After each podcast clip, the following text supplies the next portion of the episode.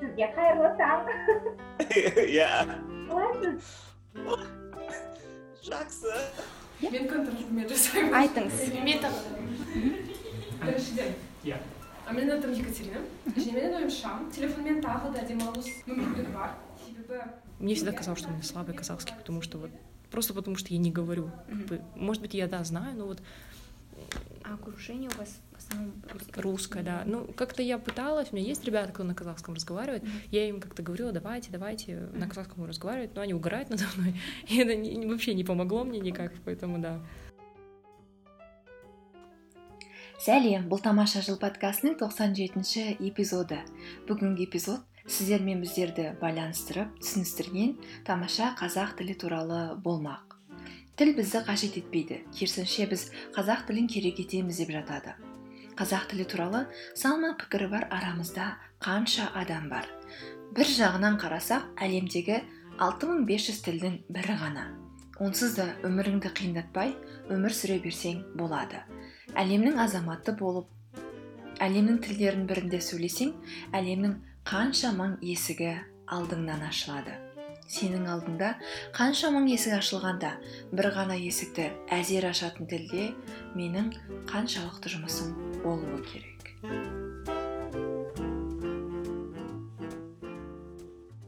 Жоқ бұл тіл маған керек емес деп ол сенің артыңнан қуатындай одан қашуың да мүмкінсің.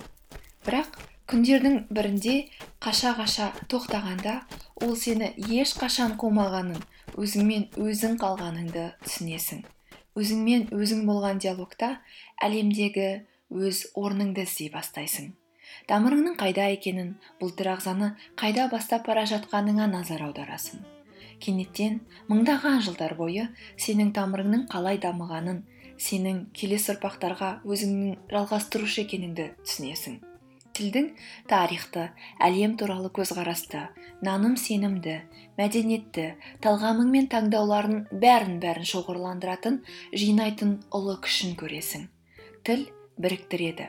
Бір бірімізді алдыңғыларды келесілерді түсінуге мүмкіндік береді. Кейде біздің елде бір бірін түсінбейтін қаншама лагерьлар бар екенін көресің. Әрқайсысының өз догмасы әлем туралы түсінігі бар. Бір бірін түсінбеулерінен талай талантты жоғалтып аламыз. Жете көре алмаймыз. Ортақ құндылықтар қалыптастыра алмаймыз. Бір бірімізді мойындамаймыз. Бүгін қазақ тілі туралы сөйлесетін боламыз. Қазақ тілін үйретушілердің үйренушілердің ойларын тыңдаймыз. Осы эпизодтан кейін өзіңізге сеніп қазақ тілін бастасаңыз жалғастырсаңыз сапасын арттырсаңыз әлде қазақ тілін жете меңгергеннен кейін немесе қазірдің өзінде жете меңгерсеңіз онда жаңа ресурстар құрастырсаңыз бұл қандай керемет болар еді?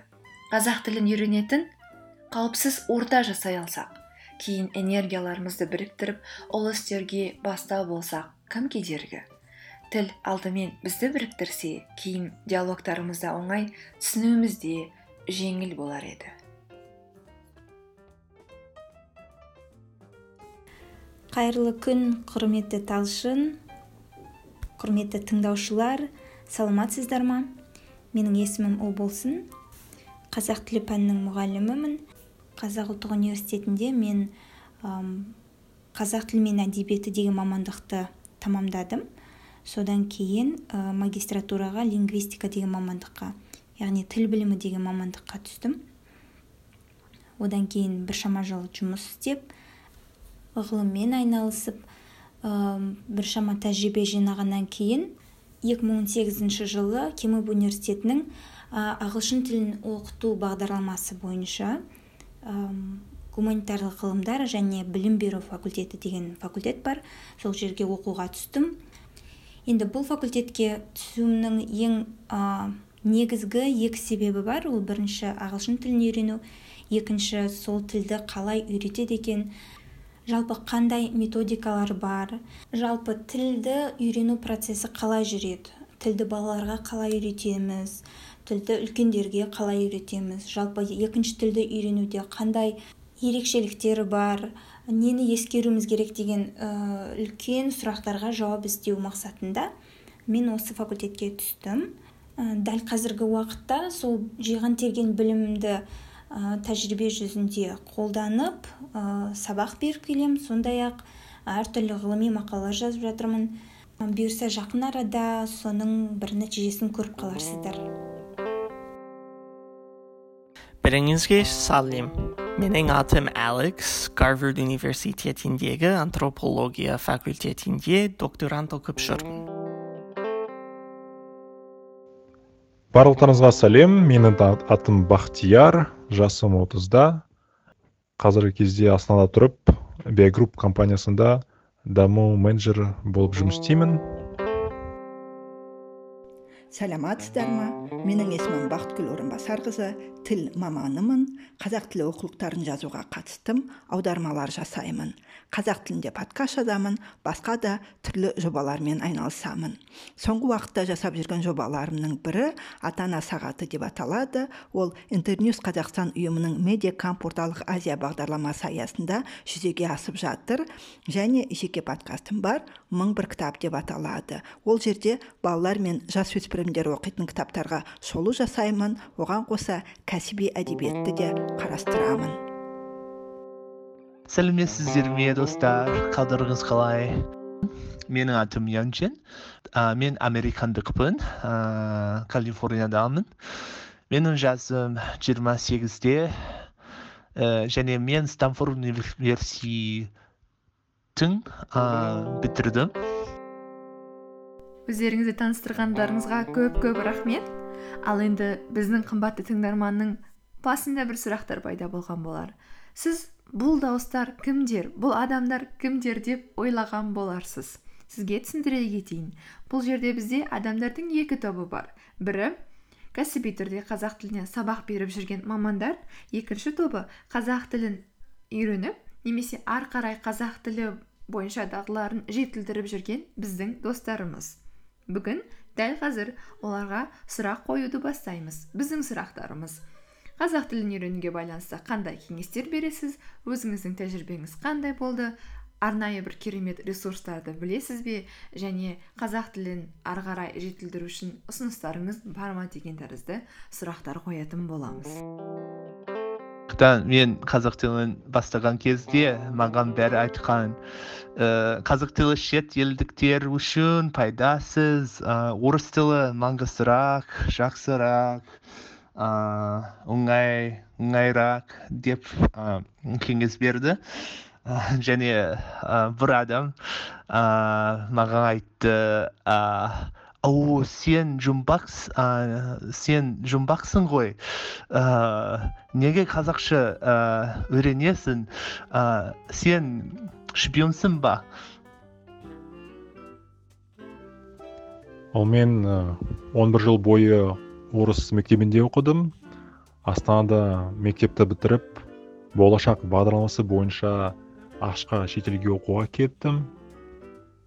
Ә, сол студент кезімде балалар арасында мен орысша сөйледім. Ә, себебі қазақ тілінде қателем жасап ә, қазақ тілінде сөйлеуге ұялдым.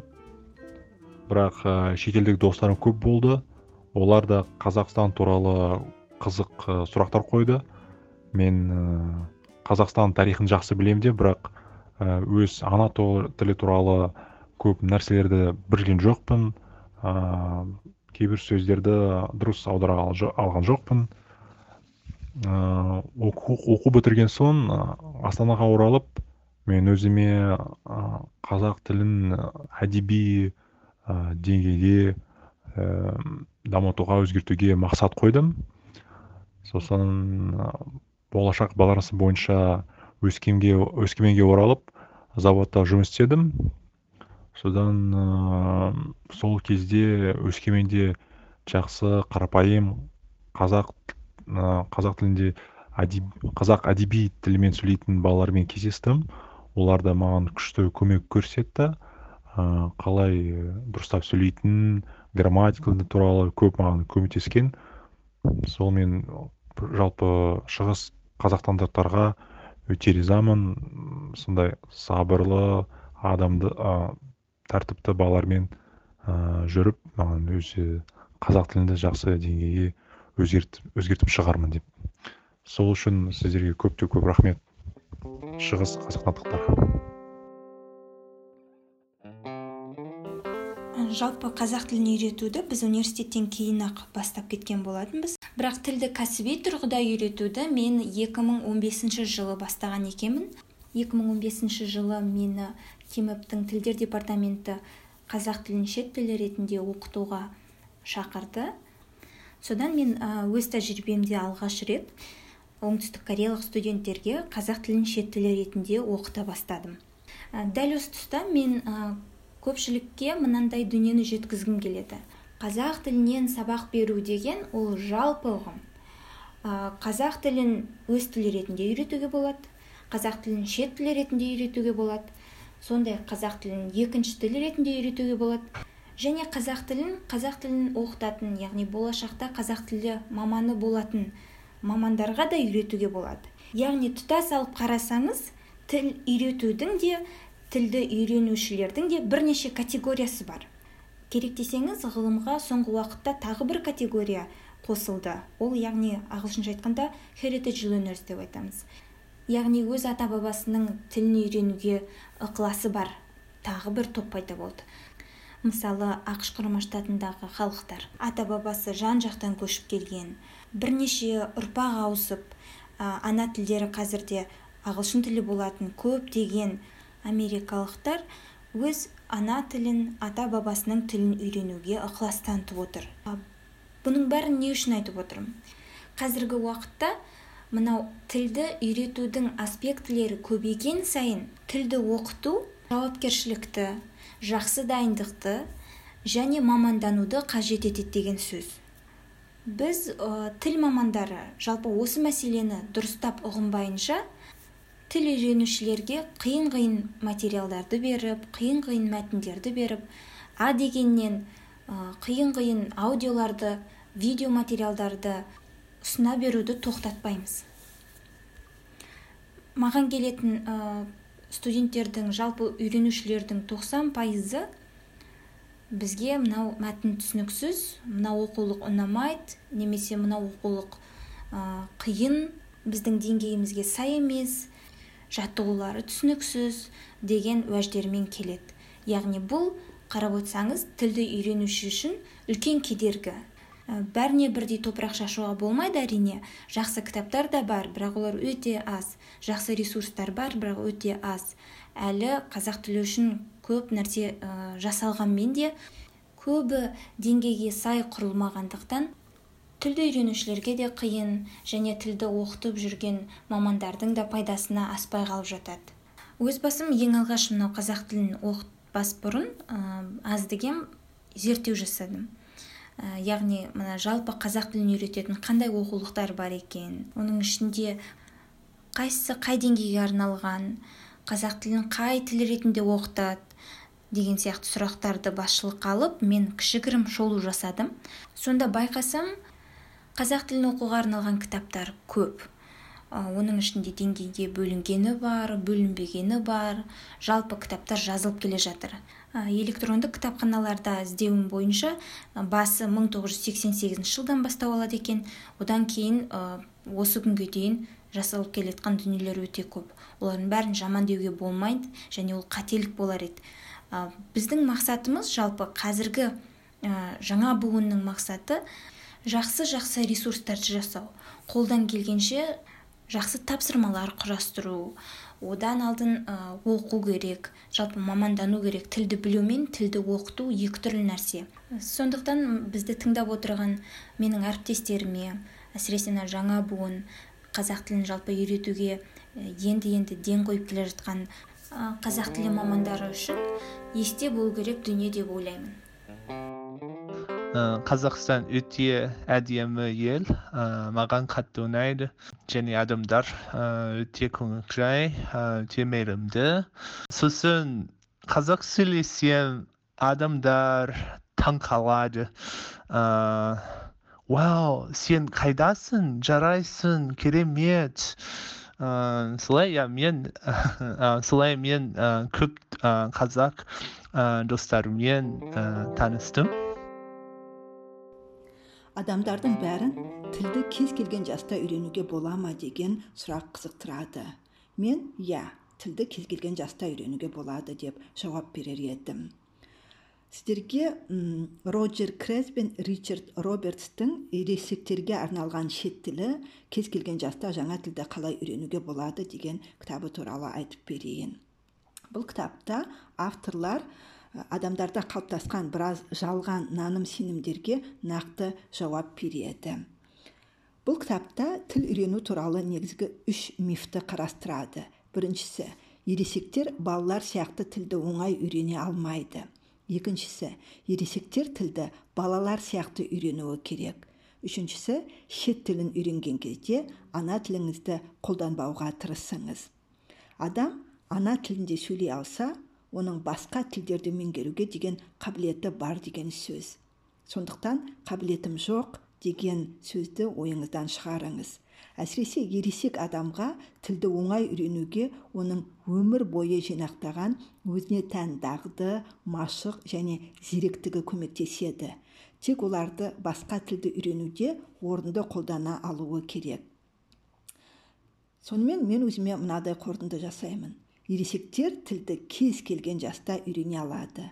Бұл үшін нақты мақсат жүйелі жоспар нәтижеге жетуге көмектесетін ерік жігер табандылық пен тәртіп керек. Оған қоса тілді үйренгенде күнде және бір уақытта оқығаныңыз жаттыққаныңыз да өз әсерін тигізеді. Қазақ тілін шет тілі ретінде үйрету басқа дедік екінші тіл ретінде үйрету басқа дедік. Айырмашылығы неде дейтін болсақ ең алдымен олардың өмір сүріп жатқан контекстінде. Біз оны ғылым тілінде контекст дейміз яғни тілді үйренуші қай жерде туып өсті қай жерде тұрады. Оны қоршаған орта қандай? Қай тілдің өкілдері қай мәдениеттің өкілдері? Қала берді географиясы салты санасы тұрмыс тіршілігі барлығы да әсер етеді. Бір екі мысал келтірейін. Мысалы осы жерде тұратын орыс баласына яғни қазақстанда туып өскен орыс баласына ә, сіз алғашқы сабақта ә, дүкен дегенді сәлем дегенді сіз дегенді мен дегенді тағы басқа осындай базалық сөздерді арнайы үйретпейсіз.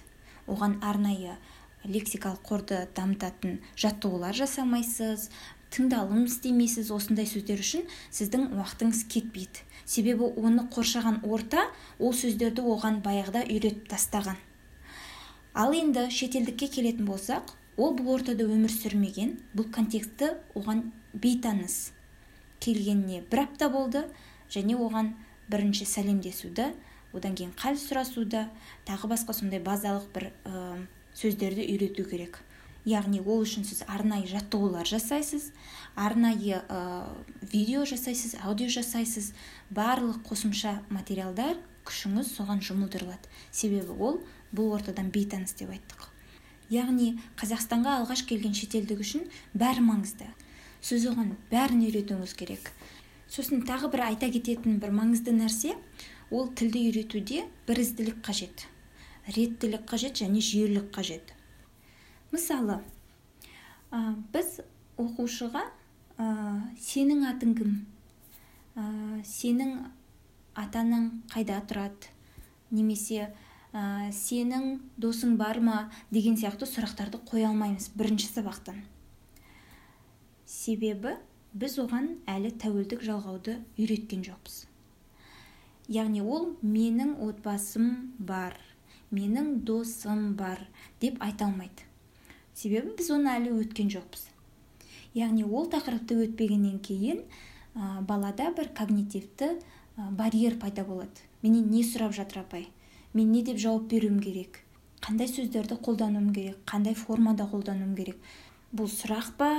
Жоқ бұл хабарлы сөйлем ба? Бұл не деген сияқты бір үлкен үрей дейміз ба? Бір тосқауыл десек артық айтпаймыз. Менің ә, тәжірибемде сондай бір жағдай болды. Өзіміздің қарагөз бала әм, оқушы ең алдымен орыс мектебіне барған одан кейін қазақ мектебіне барған. Ата анасы қазақша білмейді сондықтан мен көмектесуге ә, бел будым. Ә, сонда қарапайым ә, сұрақтарды түсінбеді. Мысалы мен айтам ә, сәлем әрсен қалың қалай бәрі жақсы ма? дегенді ә, біз бір жарты сағат отырып ә, талқыладық. Демек бұл маған бір белгі болды. Яғни бұл бала қазақ тілінің сұрақ қою жүйесін әлі білмейді. Сондықтан келесі сабақтарда мен осы тақырыпқа арнайы тоқталуым керек. Ол тақырыпқа арнайы тоқталмас бұрын мен бірінші менің халім сенің халің сіздің халіңіз қалай деген сұрақтарды үйретіп алуым керек. Одан кейін барып жақсы ма жаман ба? тағы басқа сондай тақырыптарға өзі ұласа береді. Яғни қорыта айтқанда кез келген тақырыпты өтпес бұрын оның алдында белгілі бір алғышар тақырып болу керек. Және ол тақырыптардың ары қарайғы логикалық жалғасы болу керек.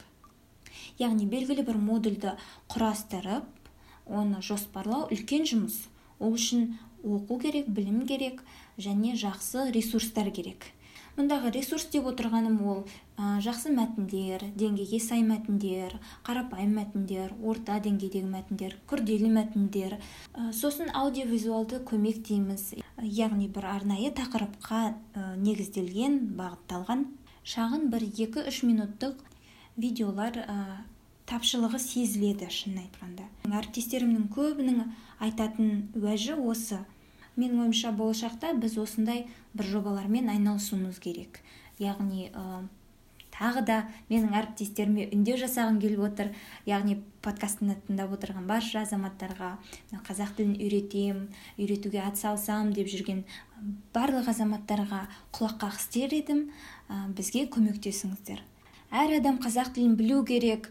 Әр адам қазақ тілін дамыту керек деген сөздеріңіз құр ұран болып қалмасын десеңіздер әрине сіздерді көмекке шақырамын. Әрдайым ә, көмектеріңізді қабыл алуға да ә, кеңес беруге де бірге жұмылып ә, жұмыс істеуге де дайынбыз.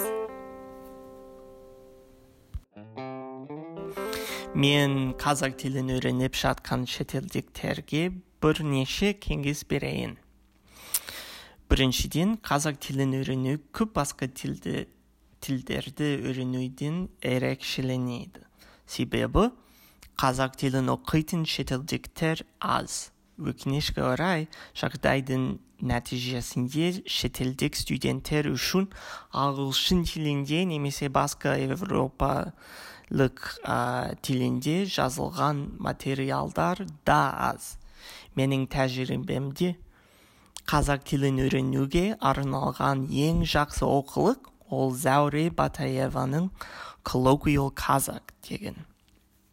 Бұл кітап өте керемет оны қатты ұсынамын бірақ бұл тек бастаушыларға арналған.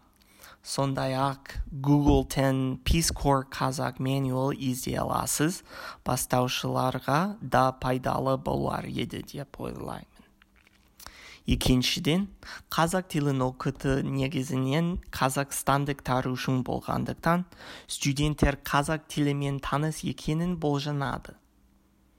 Көптеген мұғалімдер қазақ тілі студенттердің қанында бар уақыты жеткенде қабілеті пайда болып шығады деп санайды. Бірақ шетел азаматы ретінде сізде осы сықырлы білімі жоқ. Мысалы маған көмекші етістіктер деген грамматика туралы ешкім айтқан жоқ. Мен олар туралы қазақ тілі грамматикалық кітабы оқығанда білдім.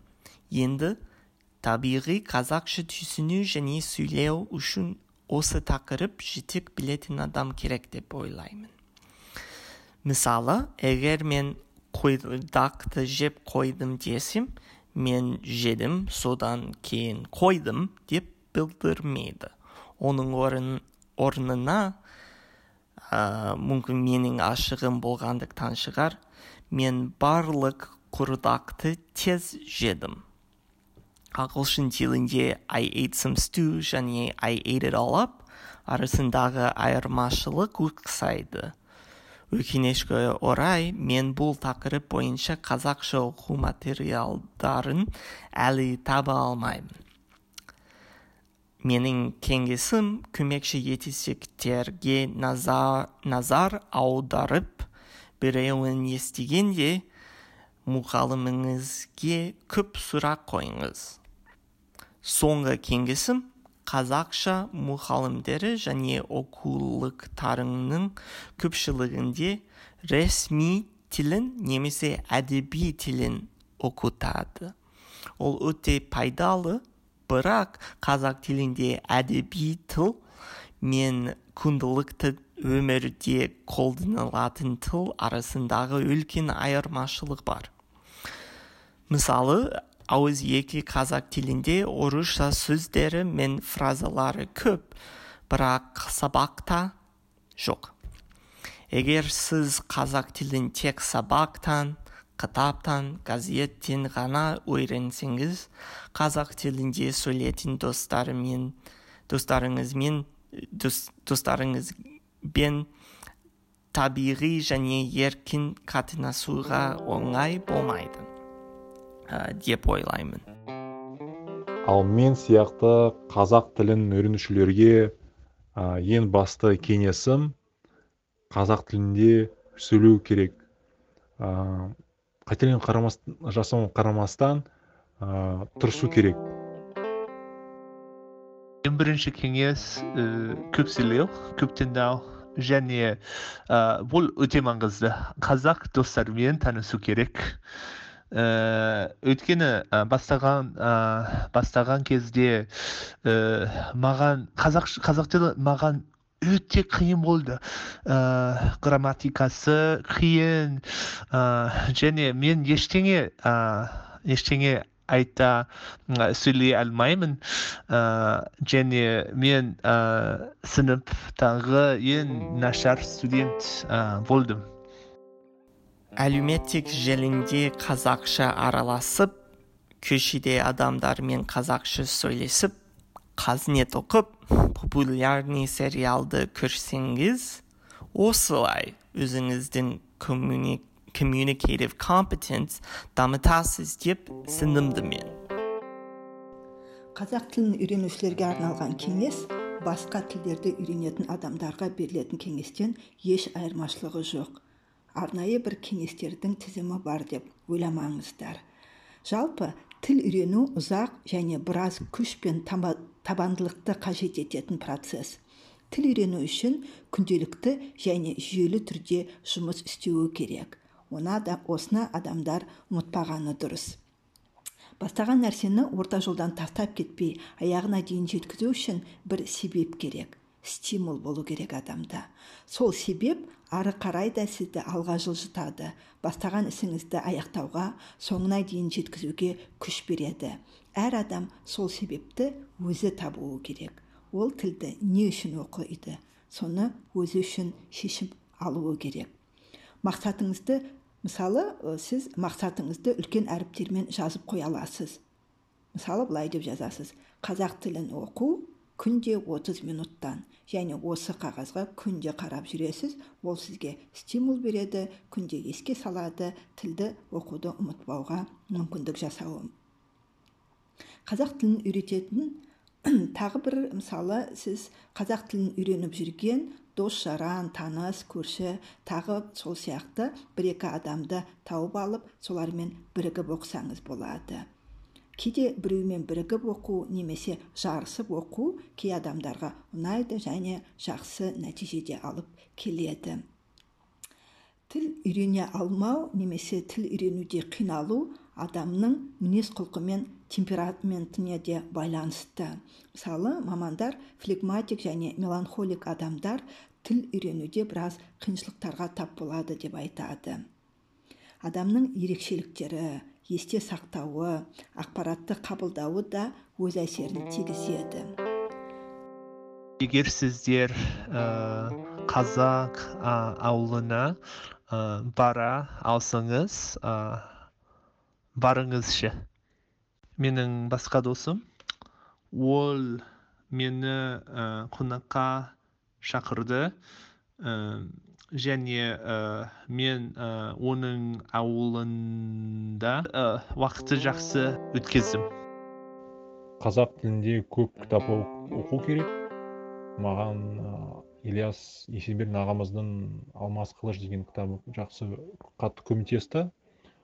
Әлі сол кітапты оқығанда мен әлі кейбір сөздердің мағынасын білмеймін түсінбей жатырмын. Бірақ ә, осы кітапты оқығанда мен ә, тілім ә, сөй айтуға болады. Және ә, қазақша өлең ә, тыңдау өте маңызды. Иә ә, маған қазақша өлеңдер ұнайды. Маған ә, дәстүрлі өлеңдерде ә, және қазіргі өлеңдерде ә, ұнайды. Ә, мысалы менің сүйікті менің сүйікті дәстүрлі өлеңі өлең абайдың көзімнің қарасы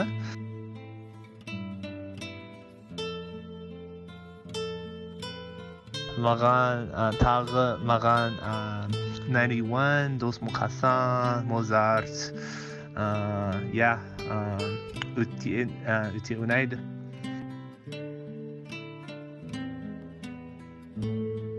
тілді ән арқылы үйрену ол өте нәтижелі техникалардың бірі.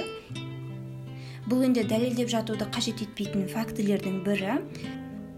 Бізде қазақ тілін үйретуде енді енді қолға алынып келе жатқанымен бұл батыста сонау ә, 80 жылдан бері талқыланып зерттеліп бұл ән айту мен тіл үйренудің байланысы мықты екенін әсіресе сөйлеуге көмектесетін жақсы құрал екенін ғалымдар әлдеқашан дәлелдеп қойған осыдан 30-40 жыл бұрын.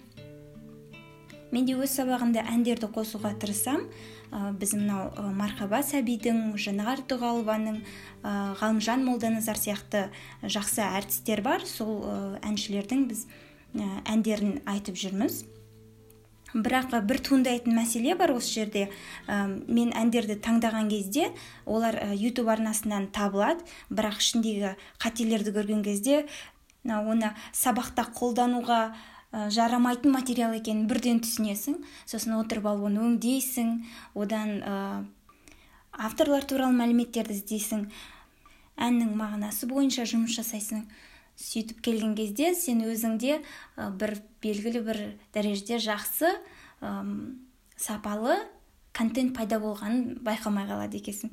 Мен сөйтіп жүріп өзімен қарасам бір 15-20 шақты видео әзірлеп тастаппын. Сосын ә, бір ой келді. Демек мен бұны істей алсам мен бір YouTube арнасында бір арна ашып сол жерге осы әндерді жариялап жақсы мәтіндермен яғни қатесіз мәтіндерді басқа да адам- адамдар көріп ә, дайындалып осы қазақ тілінің жалпы ән арқылы үйренуіне бір септігі тиеді деген оймен ән арна деген ә, YouTube арнамды аштым. Ол жерде қазір 45-тен аса видеолар бар әндер бар. Ә, біз дәстүрлі әндерді де ә, ескі әндерді де жаңа әндерді де қосып отырамыз. Енді бұл арнамыздың басқа арналарға қарағанда бір ерекшелігі бар. Біз мәтіндерді әрине сөзсіз ол жерде қатесіз саламыз. Одан кейін ә, мәтіннің авторлары туралы ә, жалпы сөзін жазған кім бұл әннің авторы кім орындайтын кім сол сияқты бір қосымша білім болсын деген ниетпен қосымша ақпараттарды қосамыз. Бұған да біраз уақыт кетеді шынында. Сосын арнамызға жариялап отырамыз. Қазір бізді төрт мыңнан аса адам тыңдайды екен. Бізге келетін түрлі хаттардың мысалы күніне он шақты хат келеді. Көбінің біздің арнаға деген пікірі оң. Сонымен қатар біз шетелдерден де хат алып жатамыз. Ә, біз мынау қазақ тілін үйрену үшін сіздердің арналарыңызды тыңдаймыз. Көбірек бізге ым, латын қарпінде салсаңыздар екен деген сияқты сондай бір ойлар пікірлер айтылып жатады. Сондықтан мынау тағы бір кеңес ретінде біздің арнаға кіріп ә, ән тыңдап ән айтып тілдеріңізді жаттықтыра аласыздар. Талқылау бөліміне өздеріңізге ұнайтын әндердің тізімін жарияласаңыздар болады. Біз ол тізімдерге мән береміз міндетті түрде қараймыз сұрыптаймыз сосын сол бойынша ақпарат іздей бастаймыз. Сол авторлар туралы мәліметтер бәрі жинақталғаннан кейін айына бір ән болса да шығаруға тырысамыз. Ә, тіл үйренушілерді бірнеше топқа бөлеміз деп басында айттық.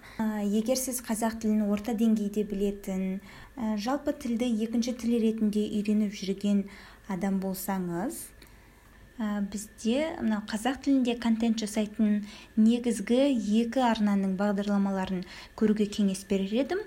Ол әрине қазақстан арнасы және хабар арнасы. Хабар арнасынан шығатын хабар таным деген бағдарлама өзіме қатты ұнайды. Ә, тілі де жеңіл сұхбат ретінде өтеді көбіне. Ә, және танымдық ақпараттар да бар арасында. Ұзақтығы бір 10-15 минуттың шамасындағы керемет хабарлар бар.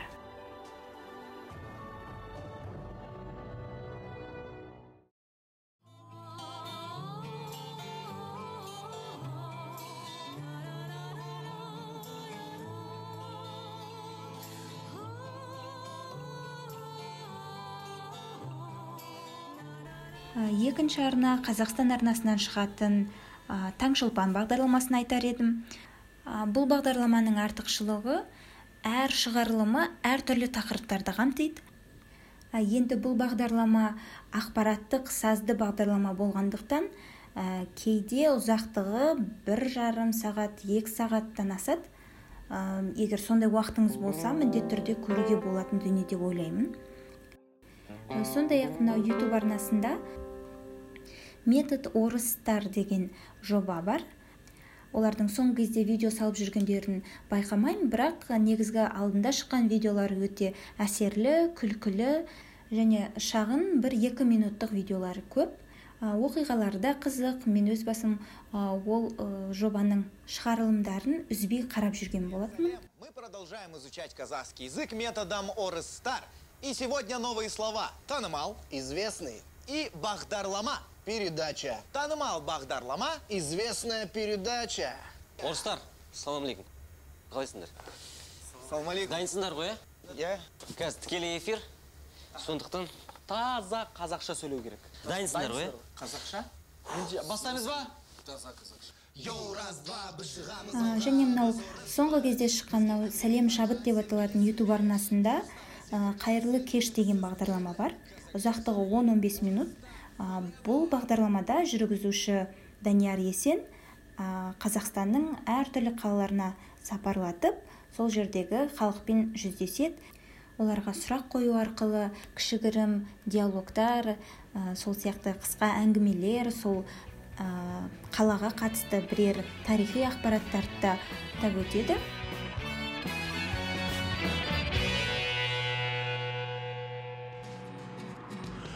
Бұрын бұл облыс орталығы болған. Ал қазір мегаполис статусына ие дербес қала. Сонымен біз шымкенттеміз. Айдар? Енді тыңдауға келер болсақ бізде 2012 жылы қазақстанның ашық кітапханасы деген үлкен жоба құрылған болатын. Ол кездегі вики білім қоғамдық қоры. Қазіргі ұлттық аударма бюросы осындай үлкен керемет жобаны жасап шықты. Кітап нүкте kz деп аталатын сайтқа кірсеңіз ішінде аудио кітаптар деген бөлімі бар. Аудио кітап жобасына тікелей қатысы бар адам ретінде сіздерге бұл жобаның құндылығын ерекше атап өткім келеді.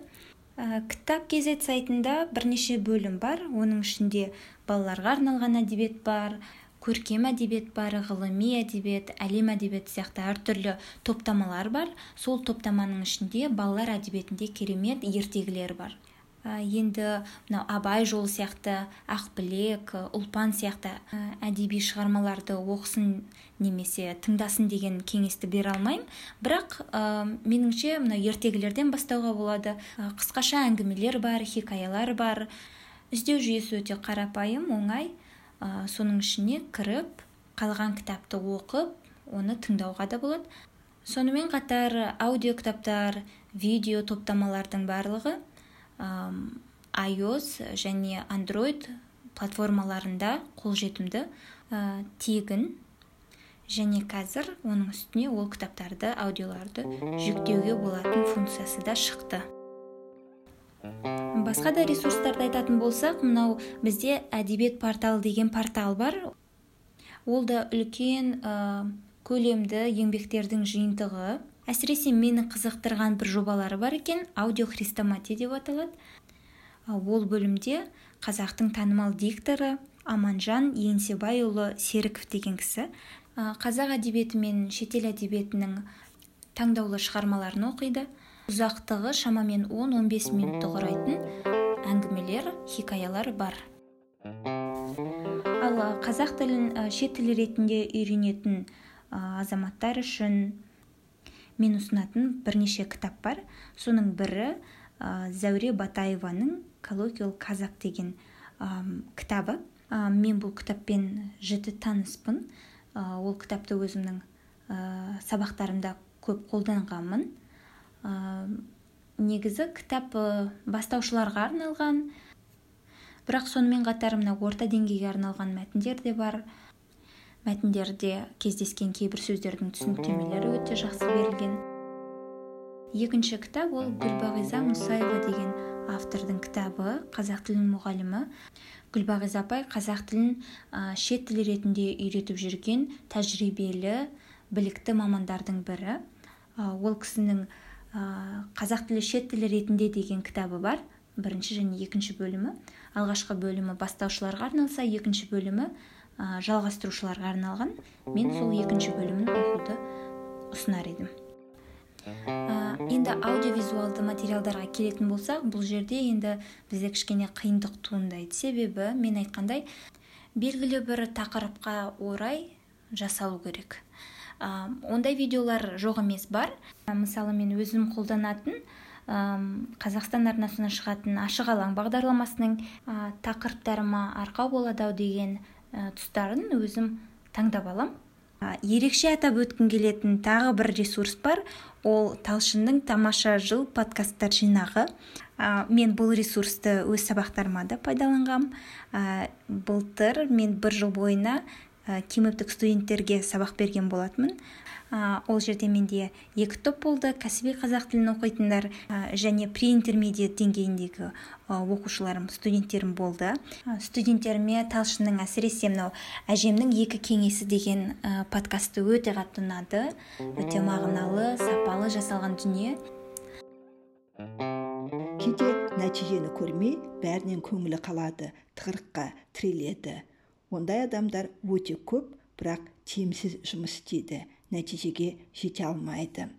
Осы жерде сіздерге грег маккеонның яғни азырақ бірақ жақсырақ теориясын жазған психолог туралы айтайын. Ол кісінің эссенциализм деп аталатын кітабы бар. Эссенциализм көп нәрсені аз уақытта жасау туралы емес істеуге тиіс нәрсені ғана жасау туралы дейді грег маккеон. Бұл үшін ең маңызды мәселелерді анықтап бар күшті соны жүзеге асыру жолына жұмсау қасиет тіл үйренуде де солай. Ең маңызды мәселені анықтаңыз бар күшіңізді соған салыңыз. Сонымен бірге тіл үйренуде ең басты нәрсе ол тілді жақсы көру керек. Егер сіз тілді жақсы көрмесеңіз сол тілде сөйлейтін халықты қабылдай алмасаңыз ол тілді үйренуде сізге қиын болады. Біздің факультетімізде ә, гуманитарлық ғылымдар факультеті бар кемепте. Сол факультетте ағылшын тілінен сабақтар өте көп. Грамматика курсынан бастап оның ішінде құрылымдығы мен контекстуалды грамматикасы бар академиялық ә, курстарға дейін жазу академиялық ә, сөйлеу академиялық жазу деген сабақтарға дейін пәндер өте көп. Студенттің төрт жылда тек ағылшын тілін үйренуге қатысты сабақтарын есептеп қарасаңыз отыз қырықтан асып кетеді. Осындай курстардың көптігіне қарамастан оларда тағы ағылшын тілі сөйлеу клубы бар. Бұл клуб өзінше бір курс сияқты. Яғни ол кез келген адамға мейлі ол кемептің студенті болсын мейлі басқа университеттің студенті болсын ағылшын тілінде сөйлеп бастауға үлкен мүмкіндік беретін кәдімгі көмекші курс клуб деп айтуға болады. Мен ол клубтың жиналыстарына тұрақты түрде қатысып отырдым. Сонда келген ой бізде де осындай бір курсты ұйымдастыру керек деп ә, былтырғы жылы әңгіме дүкен деген клуб аштық. Ол клуб қазақ тілінің ә, сөйлеу тілін дамыту бағыты бойынша көмектесетін клуб. Оған да кез келген адам қатыса алады. Ол кимэп студенті болсын мейлі басқа университеттердің студенті болсын. Мүмкін студент емес басқа жұмысшы болса да кез келген адам келіп қатыса алатын. Осындай курсты ойластырдық. Ол курсты біз бір семестр бойына жүргіздік. Жалғасын күтіп отқандар әлі бар. Енді осы қазір карантин жағдайына байланысты біз клубымыздың жұмысын уақытша тоқтата тұрдық. Бірақ ол құдай қаласа жалғасын табады. Бізде фейсбукта өзіміздің жеке парақшамыз бар әңгіме дүкен деген. Сол жерде өзіміздің мынау күнделікті қолданыста жүрген сөздерді сөйлемдерді тіркестерді жазып ә, салып отырамыз. Оны енді енді қолға алып келе жатырмыз. Дәл осы ол болсын айтқан әңгіме дүкен клубының альтернативасын келесі бір нұсқасын айжан жасамақшы. Айжанды тыңдап көрелік. Достар барлықтарыңызға сәлем. Ә, менің атым айжан рымбаева мен өзім журналистпін. Бәлкім осы подкастты тыңдаған кейбір кісілер мен сияқты қазақ тілінде даму үшін неше түрлі қадамдар жасайды кітаптар оқиды жаңалықтар тыңдайды. Бірақ баршамызға мәлім тілі үйрену үшін оны пайдалануымыз қажет. Осы себеппен мен арнайы талшынды біздің онлайн тіл сән атты бағдарламамызға тілдесуге шақырдым. Осы жексенбі күні сағат екіде бізбен бірге болыңыз. Конференцияның ә, сілтемесі талшынның парақшасында таба аласыз. Стоп стоп иә білемін. Дәл осы подкастты жазып жатқан кезде айжан айтқан кездесуге дейін бірнеше сағаттар ғана қалды. Сіздерден үлкен кешірім сұраймын. Бірақ бұл уайымдауға жол жоқ екенін де көрсетеді. Өйткені айжанның тілсан клубы бұйырса әр апта сайын зумда онлайн әңгіме дүкен жасайтын болады. Өзіңізге ұнаған күні айжанға хабарласу арқылы тілсан клубына кіріп көріңіз. Айжанның инстаграмдағы парақшасы айжан төмен сызықша медиа. Сонымен бүгінгі эпизодымыз тамамдалуда тыңдағандарыңызға көп көп рахмет. Бүгінгі эпизодтан өзіңіз үшін пайдалы ақпараттар таптыңыз деп үміттенемін. Егер де бұл ақпараттар сізге ұнаса қазақ тілін үйреніп жүрген немесе өзінің қазақ тілі дағдыларын жетілдіріп жүрген таныстарыңызға достарыңызға жақындарыңызға таратсаңыз өте қуанышты болар едік. Ол нұр үстіне нұр да болар еді. Қорықпаңыз ұялмаңыз айтқаныңыздан қайтпаңыз нәтижеге жететініңізге сеніңіз ең бастысы өзіңізге сеніңіз. Сіздің қолыңыздан бәрі келеді. Осы ә, тәжірибелердің бәрі маған бір нәрсені ә, түсіндірді. Әртүрлі сеніміміз бен ә, мәдениетімізге қарамастан ә, біз біз бәріміз адам баласымыз ә, және қазақ тілін үйрену маған жаңа достар табуға және ә, мәдени ә, байланыстардың ә, күнделігін ә, бағалауды үйретті Biz medeniyetler arasında dostluk, e, kültürün uğratıyor gerekmiz. Sizge sertlik dilerim.